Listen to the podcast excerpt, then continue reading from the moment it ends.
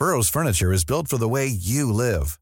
From ensuring easy assembly and disassembly to honoring highly requested new colors for their award-winning seating, they always have their customers in mind. Their modular seating is made out of durable materials to last and grow with you. And with Burrow, you always get fast, free shipping. Get up to 60% off during Burrow's Memorial Day sale at burrow.com slash ACAST. That's burrow.com slash ACAST. burrow.com slash ACAST.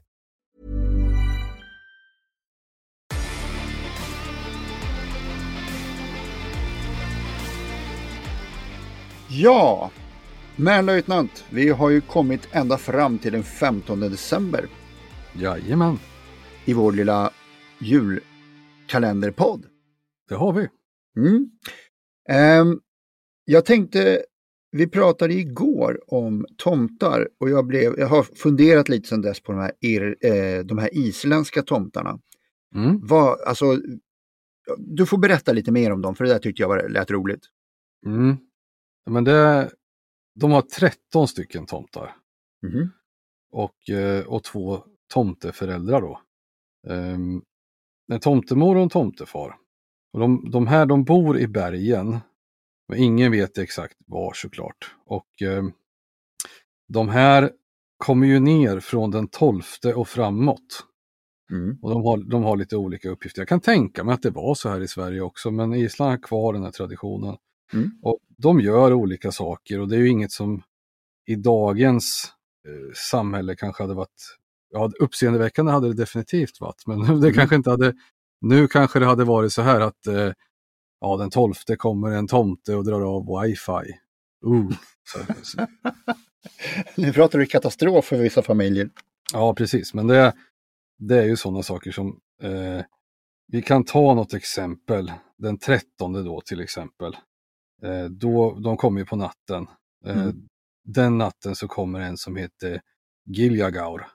Och han, han smyger in i laggården och eh, skrapar ur skummet ur mjölkkannorna när ingen ser honom. Jaha. Så ty, typiskt sådana saker då. Ja. Och ställer till eh, otyg alltså. Ja, de ställer till otyg. Eh, julafton sa jag lite fel. Han som kommer den 24. Sen Mm. har de väl en, en riktig jultomte med då så att säga. Är Ja. i, modernt. Men eh, den 24 då kommer Kertasnickir. Ja. Eh, och det, det betyder ungefär ljussnattaren. Aha.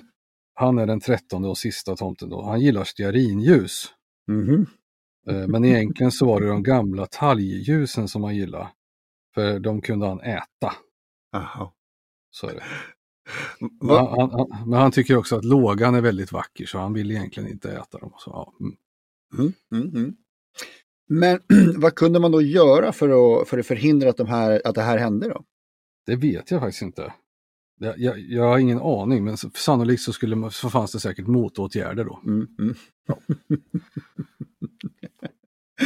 ja, det är underbart. Det är underbart. Ja, men det där är ju liksom essensen av, av det roliga med kultur och tradition, just sådana här grejer. Ja, absolut. Visst är det så. Och apropå tradition, har vi inte en lucka vi ska öppna? Det har vi. Vi ska öppna lucka nummer 15 och det är torsdag. Och i lucka nummer 15 så hittar vi en gammal kär klassiker. Pripps blå. Fjäll. Nej, faktiskt inte. Eh, Men det är en folköl. Ja, Det är eh, Fjällfolk. Från. Sälens, Sälens bryggeri. Jajamensan. Mm. Gyllengul till färgen. Doft av eh, bröd, apelsin, torkad frukt. Smakar eh, honung, apelsin, torkad frukt. Det är en ljus ale och den, den är, ja den här, har man inte druckit fjällfolk så ska man göra det. Så Mm. är det bara. Jag, jag måste få fråga dig en sak här. Är du säker på att du inte har fått sponsring från Fje- Sälens bryggeri? Helt säker. De- är med så ovanligt ofta. Ja, men de gör bra öl, så är det. Mm. Så är det. Ja, kul. Ja, men det är kul, det bjuder vi på. Det gör vi. Jag funderar på en sak. Jag såg en artikel här för ett tag sedan om eh, hur man ska förbereda den eventuella freden mellan Ryssland och, och Ukraina.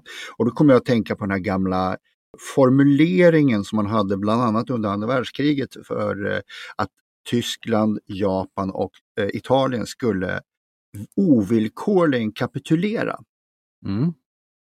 Och det är ju då att då får man liksom inga som helst garantier. Man ska lägga ner vapnen och så har man ingen aning vad som ska hända och vad som kan genomdrivas med dig som förlorar i kriget.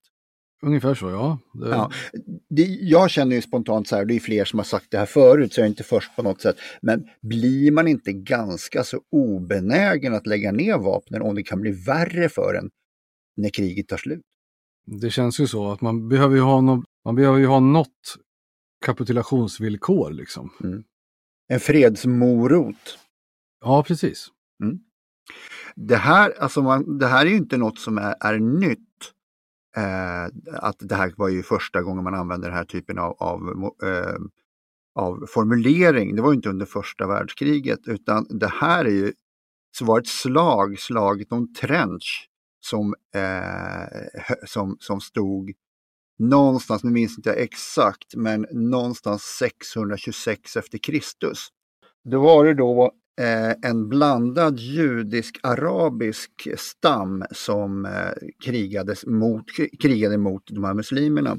Och när de då gav upp så halshögg man samtliga män och förslavade kvinnor och barn. Och det kan man ju tänka sig, då vill man ju fasen inte ge upp. Nej, det låter ju inte optimalt. Nej, så att eh, vi får säga så att för fredens skull och, och så tycker jag nog att eh, där är väl förlikning en ganska bra idé att tänka på istället. Ja, i alla fall att man har som, som du sa fredsmorot eller någon form av kapitulationsvillkor. Mm. Men du, när vi ändå håller på här och pratar lite, ska vi ta och öppna lucka nummer två för dagen? Det kan vi göra, det kan vi absolut göra. Och då har vi den 15 december 1768 så abdikerar kung Adolf Fredrik under den så kallade decemberkrisen som stod då.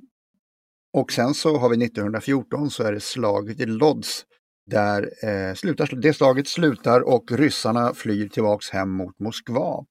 Och 1916, också första världskriget, så besegrar Frankrike Tyskland i slaget om Verdun. Jag vet att det inte uttalar så. Nej, jag ska inte ge mig på ett försök. Sen är det ju väldigt diffust det för hela första världskriget, vem som faktiskt besegrar vem och så vidare. Mm. Men ska du in... Hur, och hur många meter man har tagit och så vidare. Då tycker jag att vi kan känna oss nöjda för eh, den 15 december. Mm. Mm. Då får du ha det så bra så ses vi den 16. Det gör vi. Ha det bra. så mycket.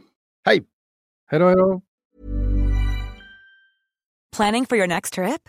Elevate your travel style with Quince. Quince has all the jet-setting essentials you'll want for your next getaway, like European linen, premium luggage options, buttery soft Italian leather bags, and so much more. And is all priced at 50 to 80% less than similar brands. Plus, Quince only works with factories that use safe and ethical manufacturing practices. Pack your bags with high-quality essentials you'll be wearing for vacations to come with Quince. Go to quince.com/pack for free shipping and 365-day returns.